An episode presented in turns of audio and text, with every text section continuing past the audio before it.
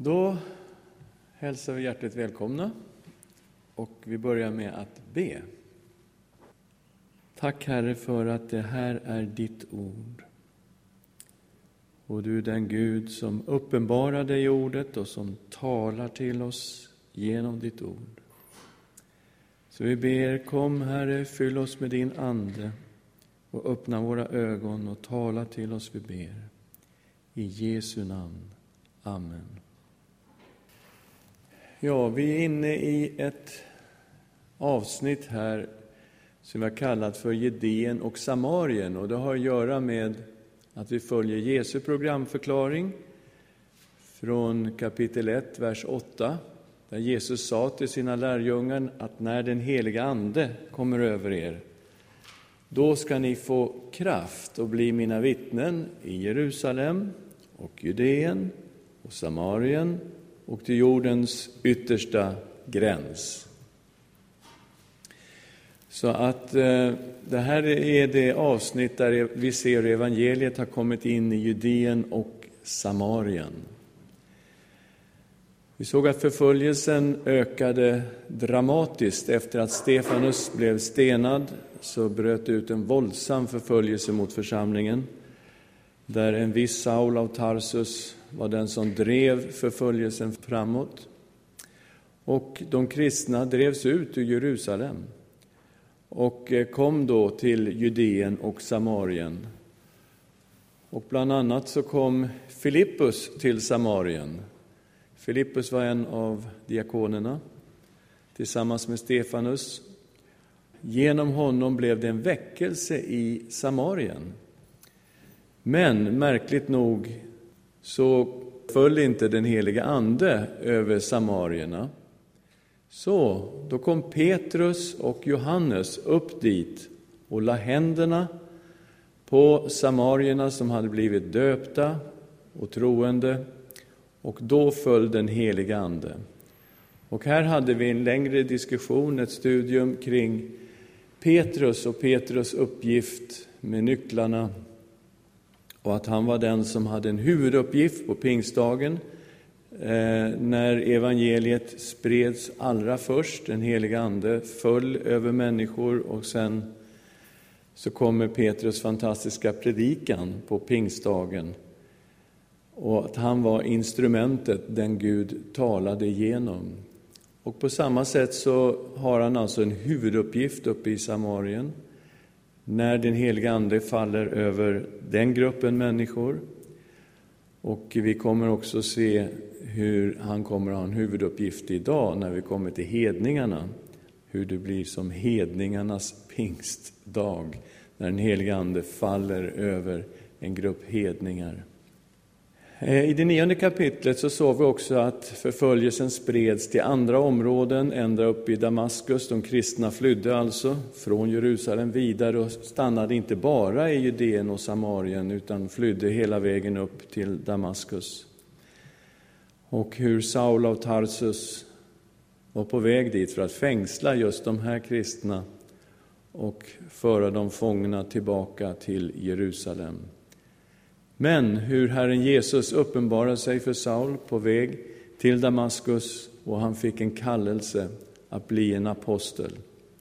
Och sen skickades Saul slutligen iväg tillbaka till Tarsus eftersom han kunde inte predika i Jerusalem. De höll på att döda honom där också, precis som de höll på att göra i Damaskus, så att församlingen tog det rätta beslutet att skicka hem honom. Och han skickades alltså till Tarsus och det är där vi slutar i 9.31 och så börjar vi då idag med Petrus. Och Petrus återigen nu en huvudperson en bit framåt här. Han predikar först i Lydda, vi är 9.32 35. Petrus reste genom hela området och kom ner till de heliga som bodde i Lydda. Där träffade han en man vid namn Eneas som var lam och hade legat till sängs i åtta år. Petrus sa till honom, Eneas, Jesus Kristus botar dig. Stig upp och gör dig själv i ordning din bädd. Genast steg han upp, och alla som bodde i Lydda och Saron såg honom, och de omvände sig till Herren. Ja, Eh, Petrus har ju ett ansvar. Vi vet att han har fått ett speciellt ansvar av Herren. Hans namn som ändrades från Simon till Petrus, klippa. Och hur Jesus efter uppståndelsen i Johannes 21 talar till Petrus och ger honom ett speciellt ansvar att ta hand om fåren, att föda fåren, att ta hand om lammen, att föda lammen, att vara en herde. Och här ser vi nu han tydligen reser runt till nya grupper som har kommit till tro. Det här är alltså Judeen, nordvästra hörnet av Judeen. Och eh, han åker till Lydda och han träffar de heliga, står det här. Säkert ger han undervisning också. Men där fanns det en man som var lam och hade varit förlamad i åtta år. Och Petrus sa till honom, Eneas, Jesus Kristus botar dig. Vi har tidigare talat om det här med namnet, Jesu namn. Allting gjorde de i Jesu namn. De predikade i Jesu namn, de bad i Jesu namn, de helade i Jesu namn, de döpte i Jesu namn. Allting gjordes i namnet Jesus. Så till den milda grad att eh, de blev förbjudna att tala i det namnet av Stora rådet. Men här kommer alltså inte den här formeln som vi är så vana att se i Jesu namn eller Jesu Kristi Nazarens namn, stå upp och gå. Utan här kommer det bara Jesus Kristus bota dig. Och det vi sa tidigare om namnet, det är att Gudsnamnet i Bibeln är synonymt med Gud själv.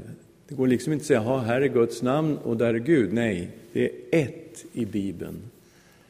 Och det ser vi ju, de exempel vi tog var ju i tio Guds bud, detta med att inte missbruka namnet. Och vi såg det i Fader vår, helgat var det ditt namn. Och Jesu namn, och det är nu laddat med så mycket innehåll att Jesu gudom är fastställd tidigare i Apostlagärningarna. Så att när Petrus bara säger eh, Jesus Kristus botar dig, så är det egentligen ingen skillnad mot när han går upp i templet tillsammans med Johannes och säger till den lame mannen, i Jesu Kristi Nazarens namn, stå upp och gå. Det är samma sak, det var Jesus som botade mannen vid ingången till templet. Det var inte Petrus, det var inte Johannes, utan det är en fortsättning av Jesu Kristi tjänst genom församlingen i Jesu Kristi Nazarens namn. Så här kommer det bara rakt på. Jesus Kristus botar dig och jag vill bara säga detta är samma sak. Och det står här att det blev en massomvändelse i Lydda. Därför att alla som bodde i Lydda och Saron såg honom och de omvände sig till Herren. Så det blev massor med människor som kom till tro när de fick se eller veta om det här undret som hade skett. Vi kommer till nästa avsnitt och det är en kvinna som heter Dorcas eller Tabita som blev uppväckt från de döda. I 9.36 i Joppe fanns en lärjunge som hette Tabita, översatt heter det Dorcas. Hon gjorde många goda gärningar och gav rikligt åt de fattiga. Men under de dagarna blev hon sjuk och dog. Och man tvättade henne och la henne på övervåningen. Då nu Lydda ligger nära Joppe och lärjungarna hade hört att Petrus var där skickade de två män till honom och bad, skynda dig och kom till oss.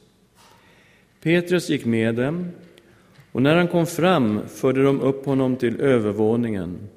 Och alla änkorna kom gråtande fram till honom och visade de livklädnader och mantlar som Dorcas hade gjort medan hon ännu var ibland dem. Men Petrus skickade ut dem alla och föll på knä och bad. Sedan vände han sig mot den döda och sade Tabita, stå upp. Då öppnade hon ögonen och när hon fick se Petrus satte hon sig upp. Han räckte henne handen och hjälpte henne upp och kallade därefter till sig de heliga och änkorna, ställde henne där och lät dem se att hon levde. Detta blev känt i hela Joppe och många kom till tro på Herren. Därefter stannade han en längre tid i Joppe hos en viss Simon som var garvare. Ja, så Petrus han är i Lydda som ligger väldigt nära Joppe. Där i Joppe finns då Tabita, eller Dorcas, en kvinna som har visat stor kärlek till de svaga och de fattiga. Om man talar om diakoni, här har vi diakonin, den kristna diakonin. Hur hon gav rikligt åt de fattiga. Hon hade gjort kläder åt dem som de tydligen bar på sig. Det hände sig inte bättre än att hon blev sjuk och dog. Och hur snabbt det där gick vet jag inte, och det står ju inte i texten. Så jag vet inte om de skickade iväg de här två personerna innan hon var död. Jag gissar att det är så, för att hämta Petrus och skynda sig att komma dit. Och sen så kommer Petrus dit och vi ser stora likheter med när Petrus, Jakob och Johannes fick vara med hur Jesus uppväckte Jairus dotter från de döda. Då visades också alla de här gråtande människorna ut och kvar var bara mamma och pappa och Petrus, Jakob och Johannes. Och de får se hur Jesus ställer sig där och säger, ja men hon är inte död, hon sover. Och så säger han, Talita kum. Och det är ju då, lilla flicka, stå upp. Och hon blir levande och hon blir uppväckt från de döda. Och här är det Tabita kom. Det är alltså en bokstavsskillnad. Det är så oerhört stora likheter mellan det mirakel som Jesus gjorde och som Petrus var med om och det som händer här. Men det är helt fantastiskt. Hon är uppväxt från de döda och resultatet blir massor med människor kommer till tro i Joppe. Och det här lär oss någonting, att människor kan dras till helanden och helanden kan vara ett bevis för evangeliet. Att evangeliet blir bekräftat genom tecken och under. Man talar om power evangelism och man vill se exempel på så kallad power evangelism. Då ser man det precis här, hur Gud använde Petrus i Lydda och i Joppe och hur massor med människor blev frälsta. Och det är klart att vi skulle hemskt gärna se att människor hade helandets gåvor. Eh, det är någonting vi ber om. Men vad jag vet är det ingen i Husbykyrkan som har nådegåvan att hela. Ni får rätta mig om jag har fel. Jag har i alla fall inte sett det. Men man ser ju här vad fantastiskt det skulle vara om eh, det fanns personer med sådana här helande gåvor som Petrus hade.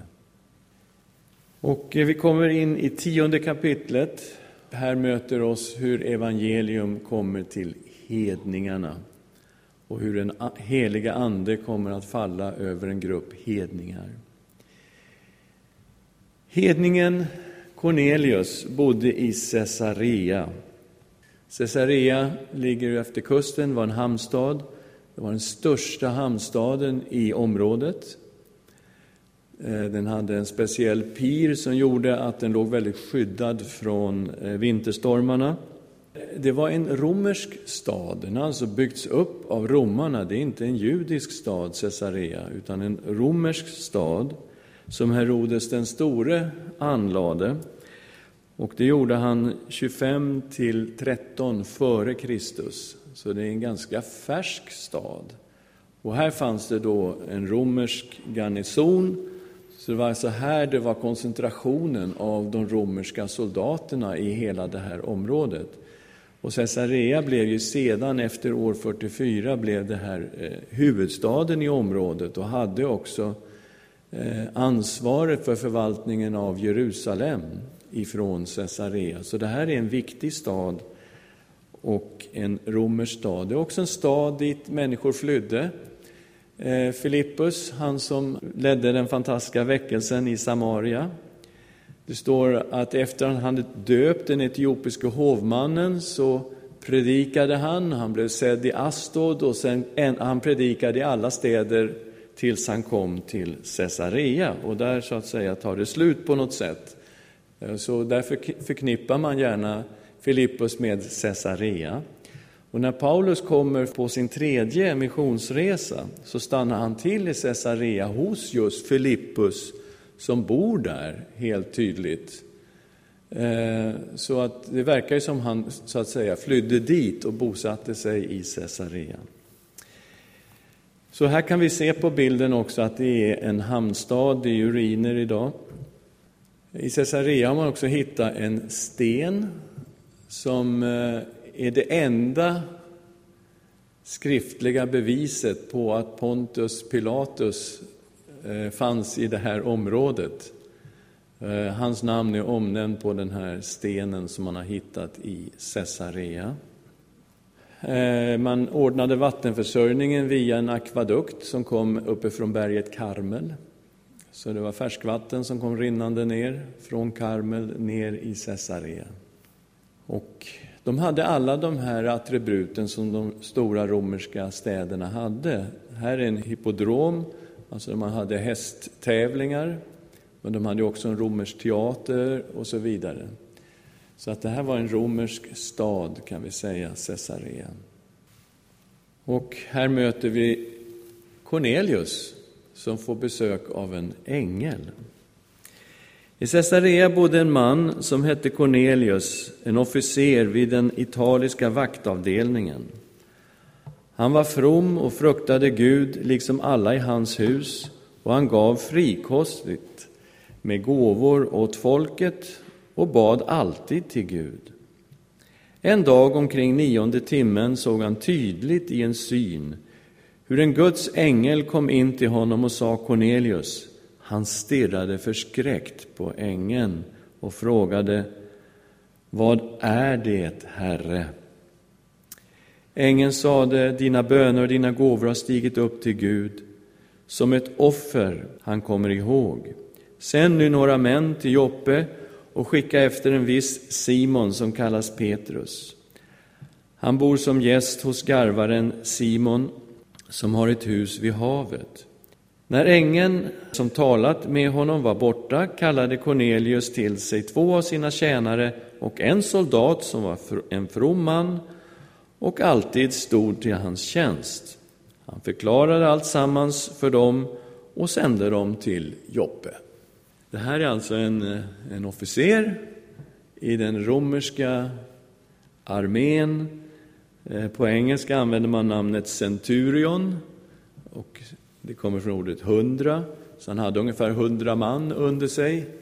Eh, en centurion var en underofficer kan man säga. Det var en som hade börjat som soldat och sen hade stigit i rangen ända tills han kom till högsta punkten som var möjligt för honom, och det var just centurion.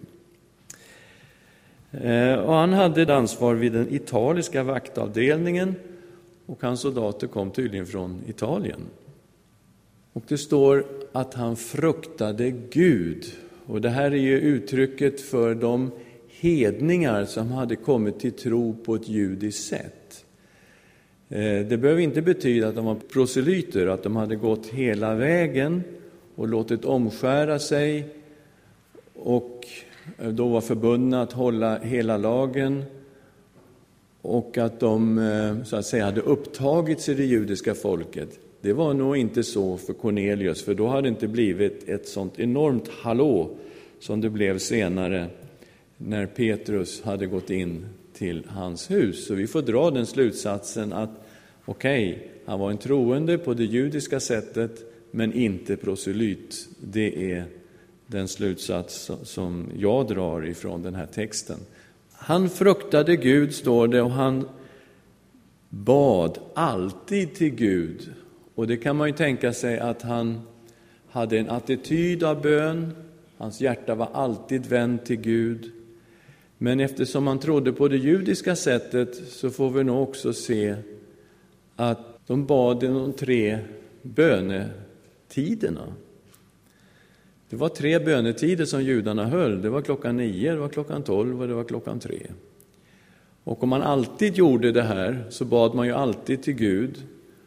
Och det är klart att målsättningen var att man aldrig däremellan heller skulle glömma Gud, utan hela tiden ha ett bönehjärta vänt till Gud.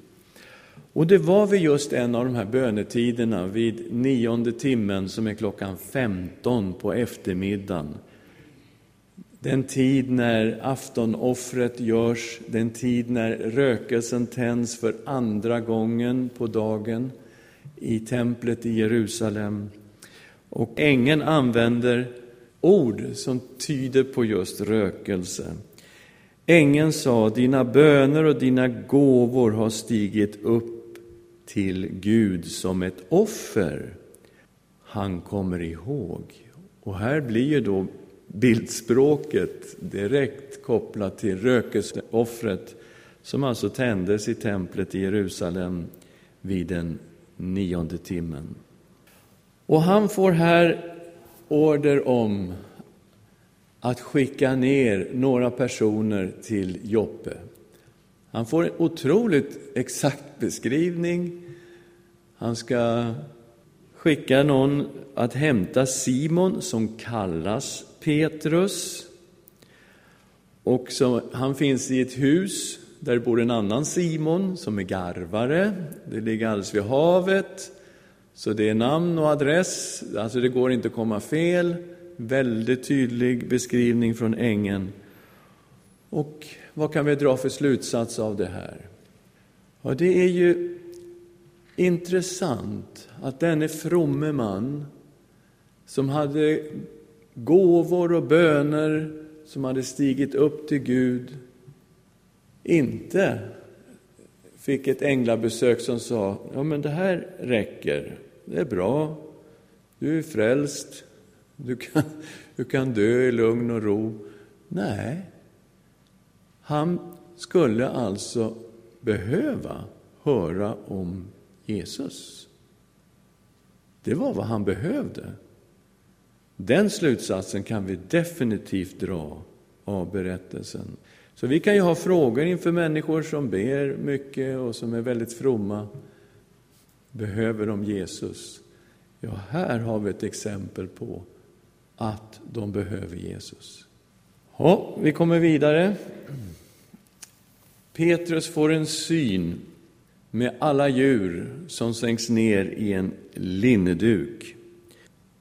Nästa dag, medan de ännu var på väg, närmade sig staden, gick Petrus vid sjätte timmen upp på taket för att be. Det här är alltså middagsbönen klockan tolv vi pratar om. Pet Petrus höll också bönetiderna. Han blev då hungrig och ville ha något att äta. Medan man gjorde i ordning maten kom han i hänryckning. Han såg himlen öppen och något som liknade en stor linneduk komma ner.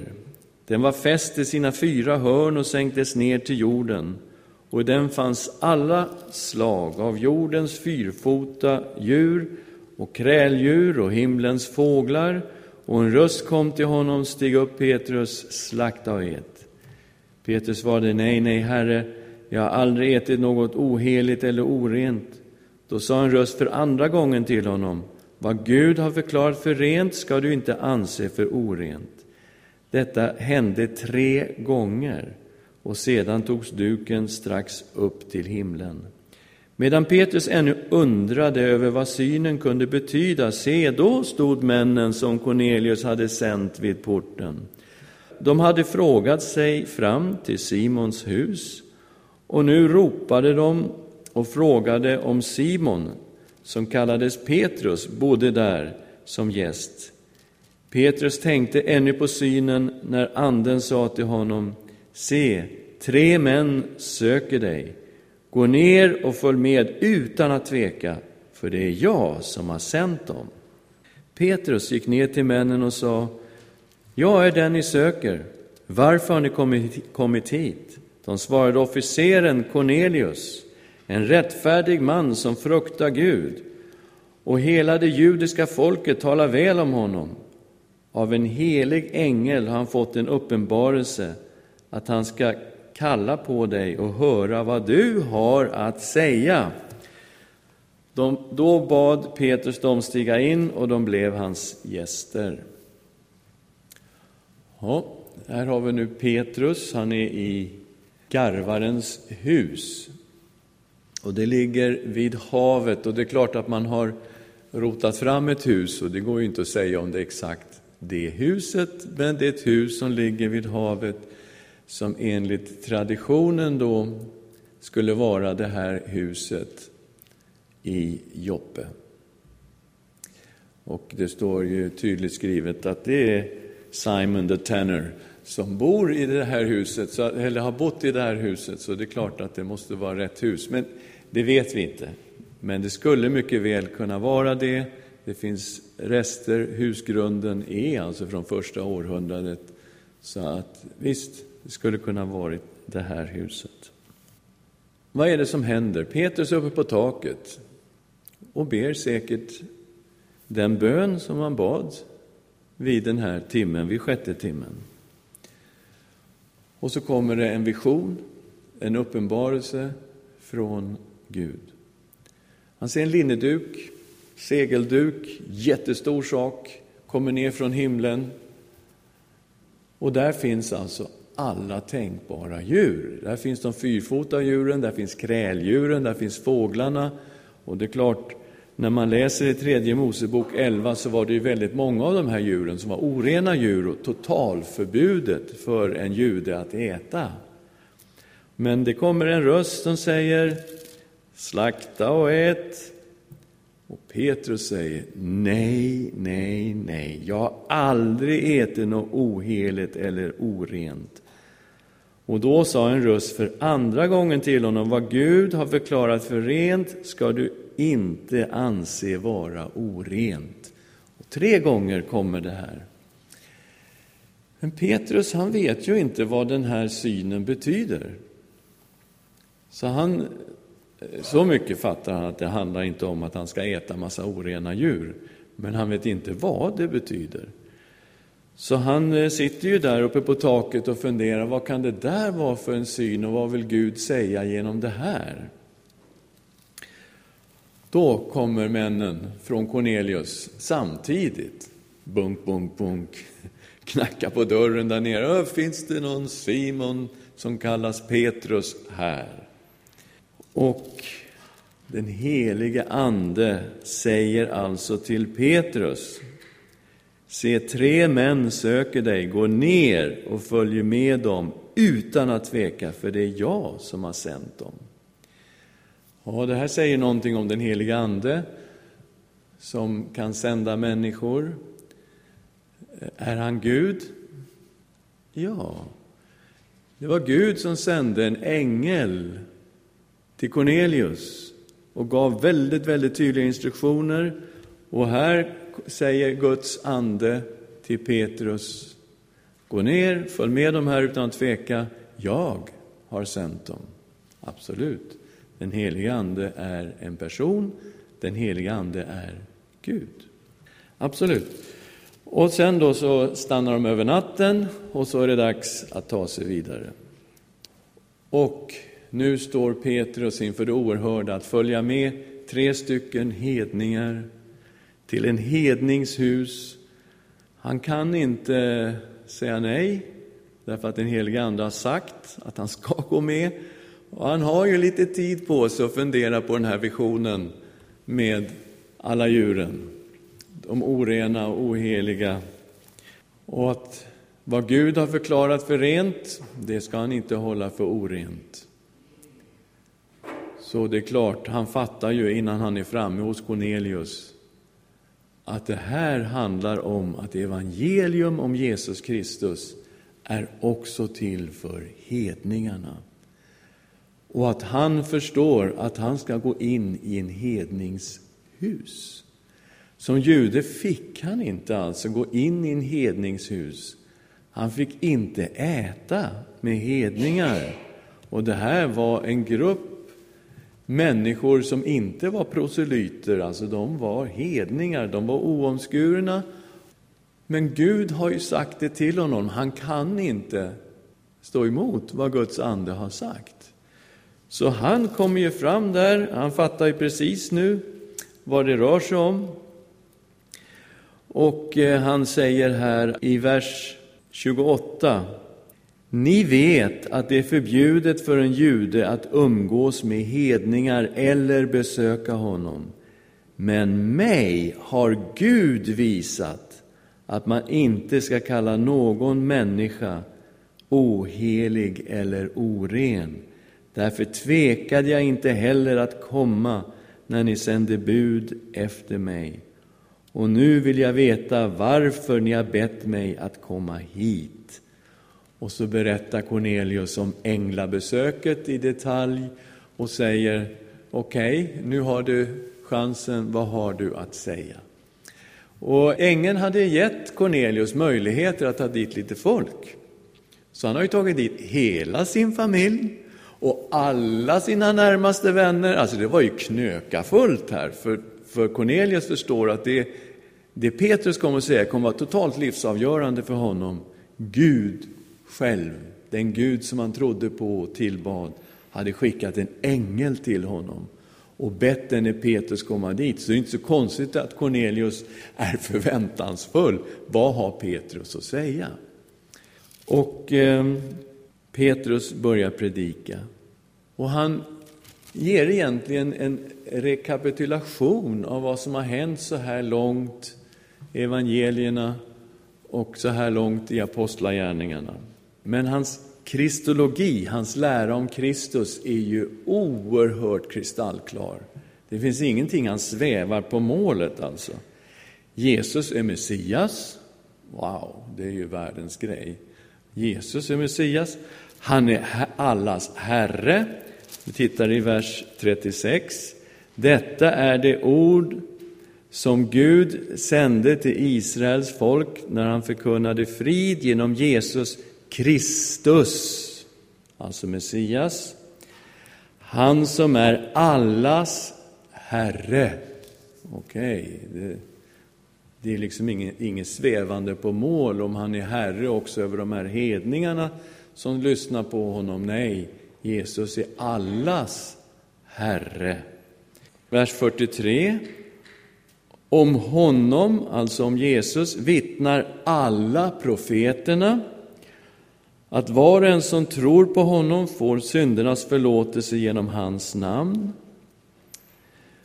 Och i vers 42. Han befallde oss att predika för folket och vittna om att han är den som Gud har bestämt till domare över levande och döda. Okej, okay, vem är det som är domare över levande och döda? Han heter Jesus. Vem är allas Herre? Han heter Jesus. Vem är han? Han är Messias. Och syndernas förlåtelse predikas för alla dem som tror på honom. Alltså hans kristologi är ju kristallklar. Och däremellan då så berättar han om Jesus som var i Judeen och Galileen. Men det finns en fantastisk vers om Jesus. Titta på 38 här. Hur Gud smorde Jesus från Nasaret med den helige Andes kraft. Han som gick omkring, gjorde gott och botade alla som var i djävulens våld. Ty Gud var med honom. Vilken underbar människa, Jesus av Nasaret.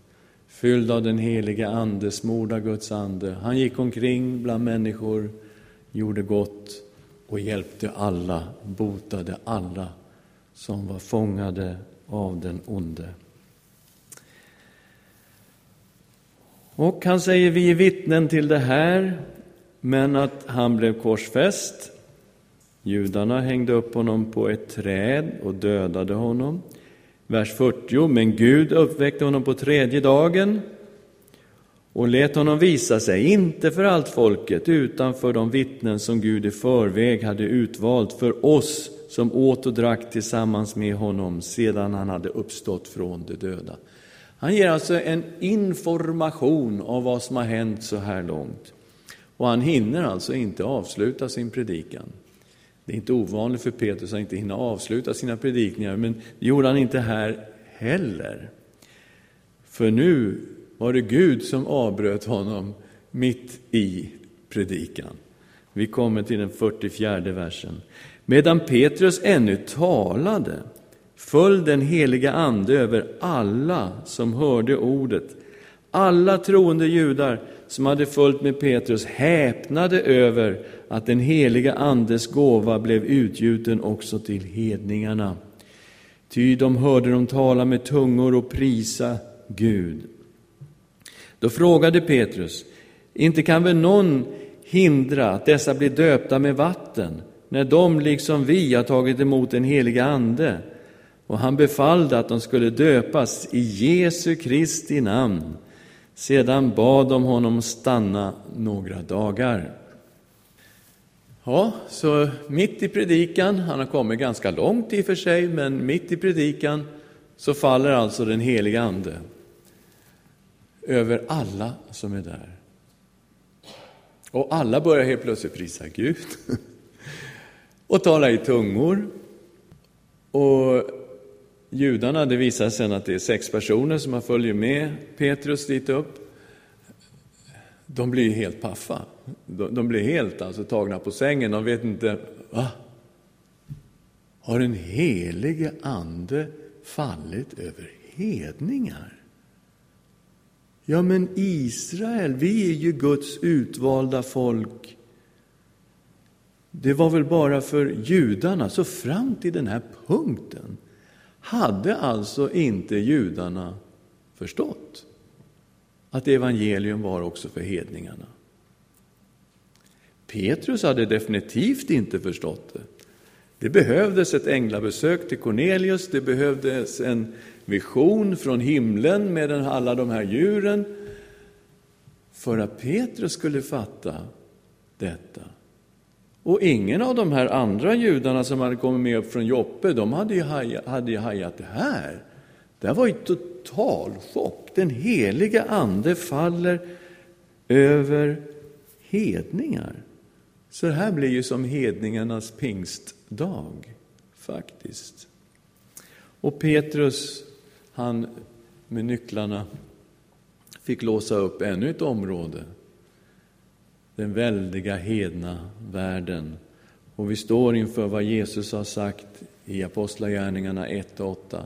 När den heliga Ande kommer över er ska ni få kraft och bli mina vittnen i Jerusalem och Judeen och Samarien och till jordens yttersta gräns. Och nu öppnar sig så att säga bråddjupet framför Petrus och alla judar som bara ser alla folken som va? Är det möjligt? Är evangelium till för dem?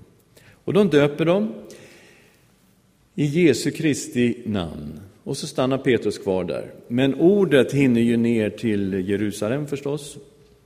Och eh, då börjar ju folk där nere fatta att Petrus har gått in bland hedningar. Han har ätit med dem, han bor där. Mm. Vad är detta? Han har ju brutit alla reglerna. Och här finns ju vi som är hedningar, vi liksom har svårt att sätta oss in i vilken självförståelse den första kristna församlingen hade.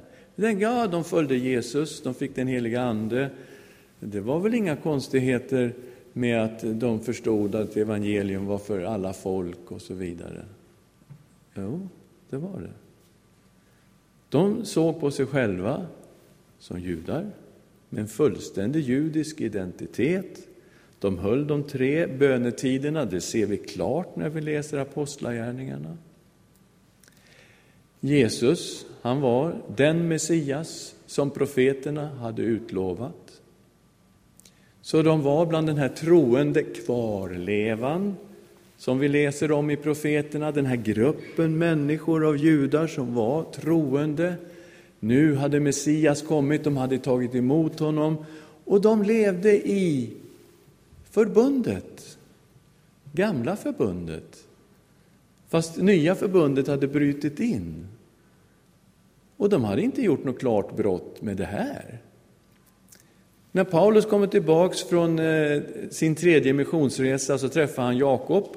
Och då säger Jakob, du ser att det är tiotusentals judar som kommer till tro och alla nitälskar dem för lagen.